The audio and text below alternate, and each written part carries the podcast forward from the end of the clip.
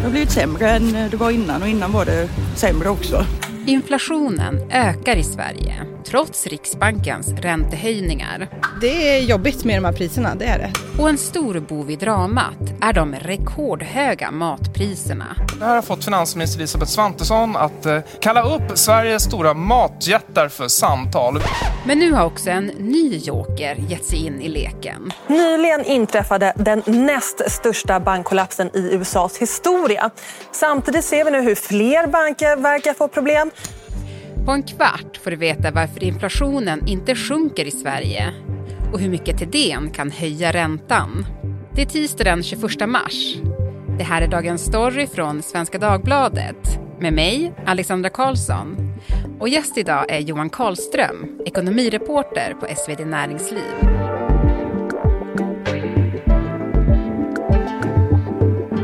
Du Johan, du vet hur barn kan vara eh, när de frågar en någonting och så frågar de varför är det så? Och så svarar man.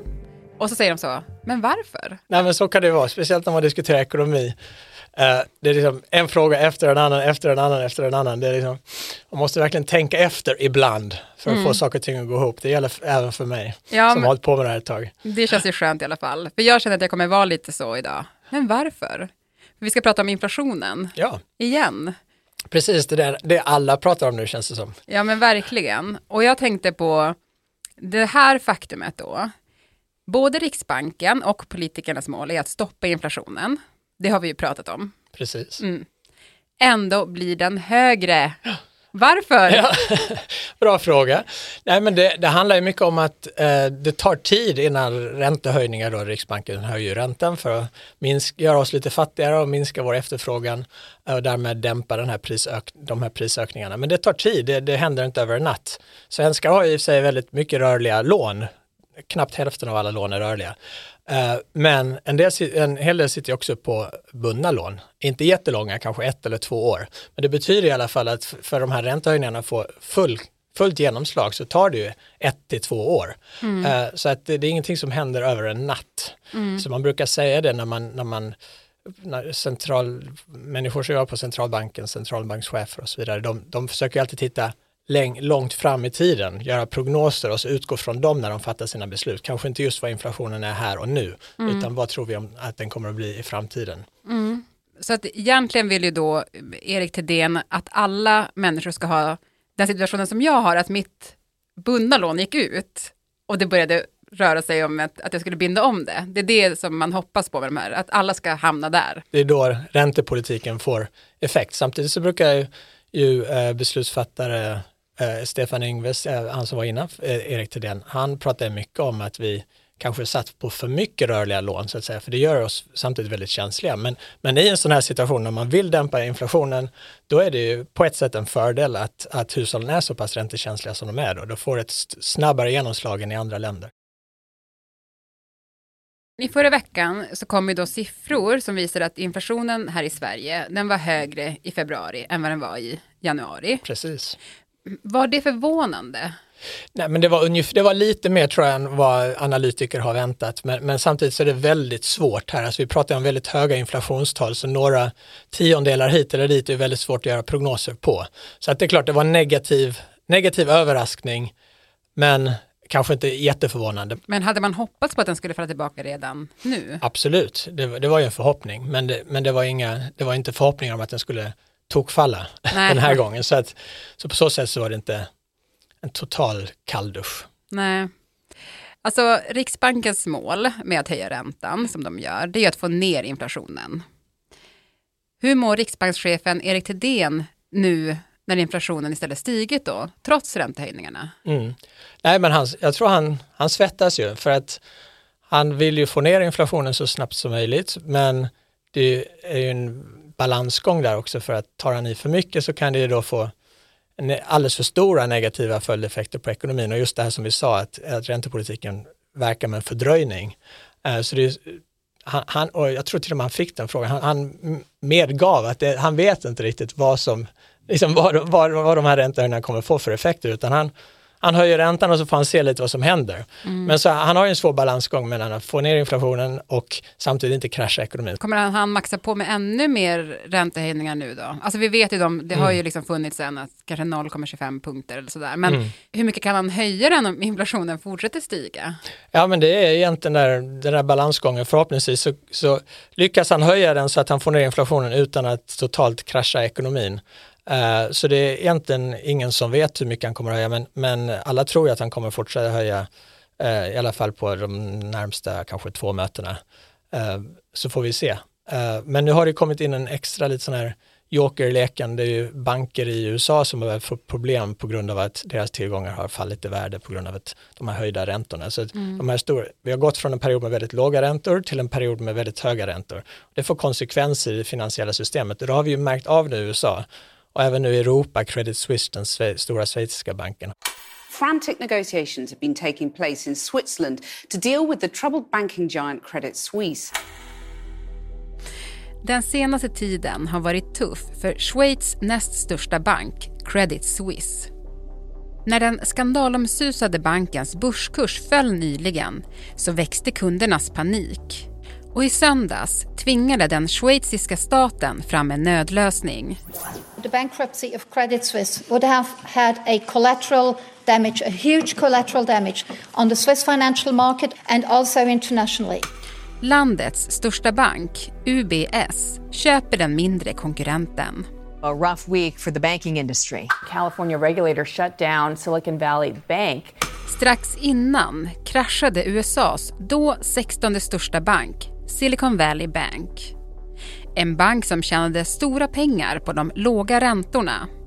Som gjorde att de kunde låna ut stora belopp till riskfyllda techbolag. Men sen steg räntorna i snabb takt och då kom problemen. Turbulensen väcker frågor om hur snabbt centralbanker kan höja räntor framöver. Det, det, finns ju spekulationer i marknaden då att centralbankerna kanske inte kommer att kunna ta i lika mycket som innan den här turbulensen på finansmarknaden som vi har sett de senaste dagarna.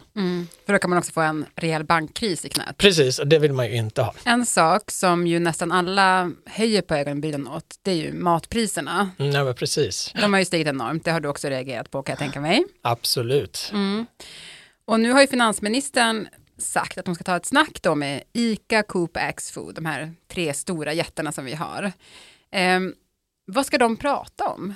Ja, det är en bra fråga faktiskt.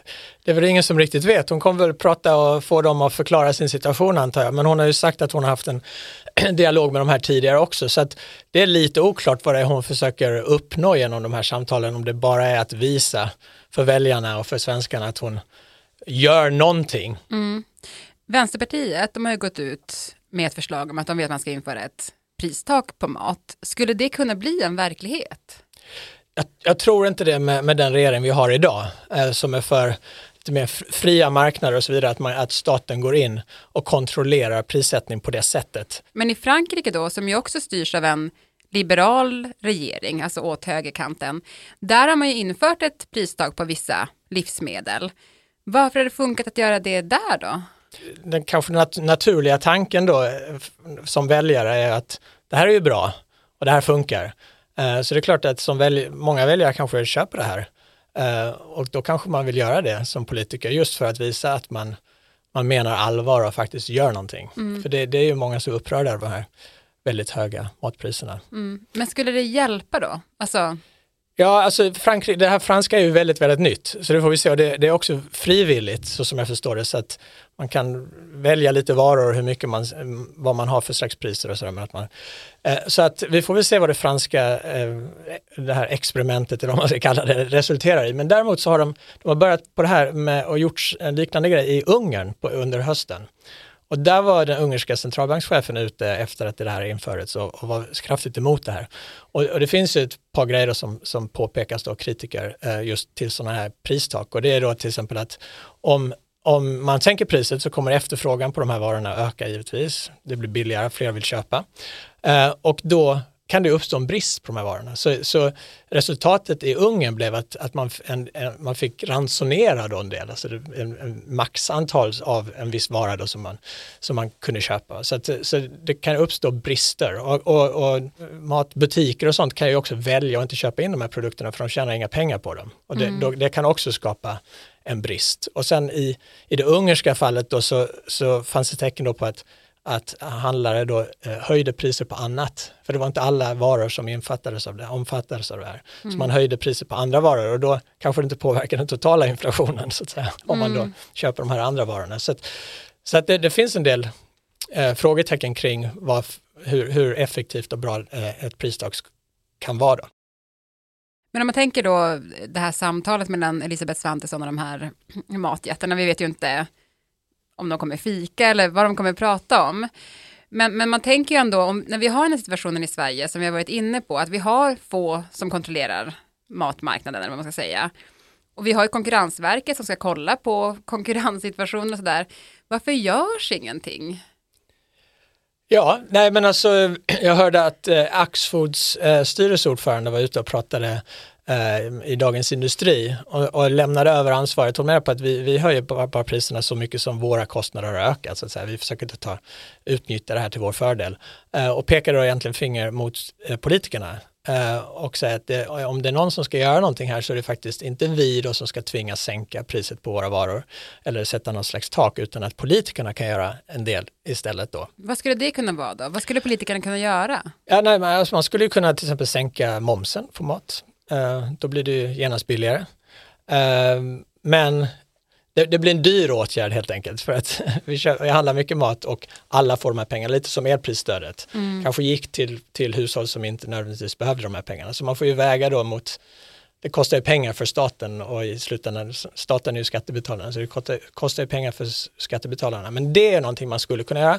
Men sen skulle man kunna göra någonting som är kanske lite mer press, press, äh, träffsäkert, att man man riktar eh, något slags generellt stöd, inte något matstöd, men något slags stöd till de mer utsatta hushållen för att hjälpa dem. Det, det är ju liksom en, det är en politisk fråga man, vad man vill göra där. Mm. Och då, då, då, pekar ju regeringen på att de har gjort en del då redan för svaga hushåll.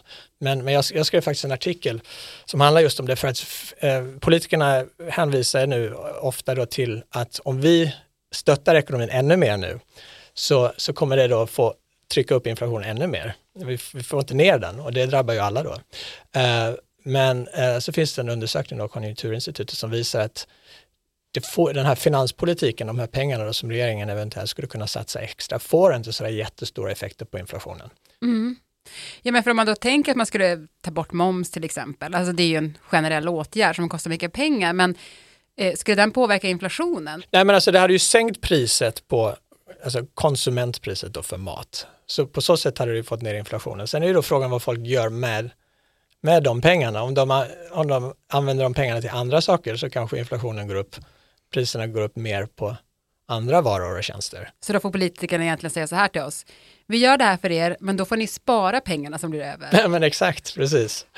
Men du, är det maten som är boven i den här inflationskarusellen? Maten är en jättestor bov, eh, kanske näst störst tror jag. Eh, om man tittar på, man brukar dela upp den här inflationssiffran som nu är 12 procent och inklusive stigande räntekostnader. Hur stor del av de här, procent, de här 12 procenten är mat och, och så vidare. Och så vidare. Eh, och då utgör mat och stigande räntekostnader ungefär hälften av de här 12 procenten. Så att, och, och stigande räntekostnader är faktiskt betydligt större komponent än maten. Men maten är definitivt en, en drivande faktor. Erik Thedéen, riksbankschef. Ungefär för en dryg vecka sedan då var det många som trodde att vi skulle höja mycket mer än vad vi hade sagt. 0,75? Ja, en del pratade om 0,75. Någon bank tyckte vi skulle ha ett extramöte för att höja räntan. Och en dryg vecka efter så verkar de där prognoserna då ha kommit på skam. Eh, vi gör inga prognoser mellan våra möten. Vi konstaterar att det är en klok strategi. Riksbankens mål det är ju en inflation på 2 det känns ju otroligt långt borta. Det gör ju det, eller hur? Mm. Ja. Nej, men, men samtidigt så pekar ju mycket prognoser mot att inom något år lite drygt så, där, så kommer inflationen att pek, gå ner mot 2 målet. Även Riksbanken har ju en sån prognos. Uh, och det kan ju tyckas konstigt, men det är ju det här att inflation handlar inte om prisnivå, vad nivån är idag, utan för att inflationen ska fortsätta vara på 12 procent som den är idag, då måste priserna inte bara hålla dagens nivå, men de måste stiga med 12 procent igen nästa år. Mm. Uh, och det är väl många som tror är osannolikt. Om de bara stannar på de här höga nivåerna, då har du en inflation på 0 procent nästa år. Mm. Och nu, det som har hänt nu är att fraktpriser och sånt där som har drev upp priserna under pandemin till exempel, de har kommit ner till de samma nivåer som innan pandemin. Råvarupriser och sånt här har kommit ner. Eh, de här prisfallen då kommer att arbeta sig igenom systemet. De här priserna har redan fallit men det tar tid innan de prisfallen från producenter och så vidare når konsument. Men du, framåt då Johan, alltså vad ser du när du blickar mot vet ja. inte, sommaren kanske eller liksom framåt här? Det vore förmätet med att säga att jag vet vad som skulle hända. Jag får, ju, jag får ju förlita mig på de här som sitter och räknar på det här varje dag. Uh, och de tror som sagt att, att inflationen kommer att falla tillbaks rejält. Så man får väl hoppas att de får rätt, mm. helt enkelt. Mm. Herregud vad jag hoppas det. Jag tror vi hoppas det alla. Mm. In, inte minst riksbankschef Erik Thedéen mm. och regeringen. Programmet idag producerades av Mattias Stellert, redaktör var Erika Hallhagen och jag heter Alexandra Karlsson. Vill du kontakta oss så mejla till dagensstory.svd.se. Och klippen i programmet kom från SVT, SR, ABC, CNN, Channel 4, TV4 och Wall Street Journal och musik från Daft Punk.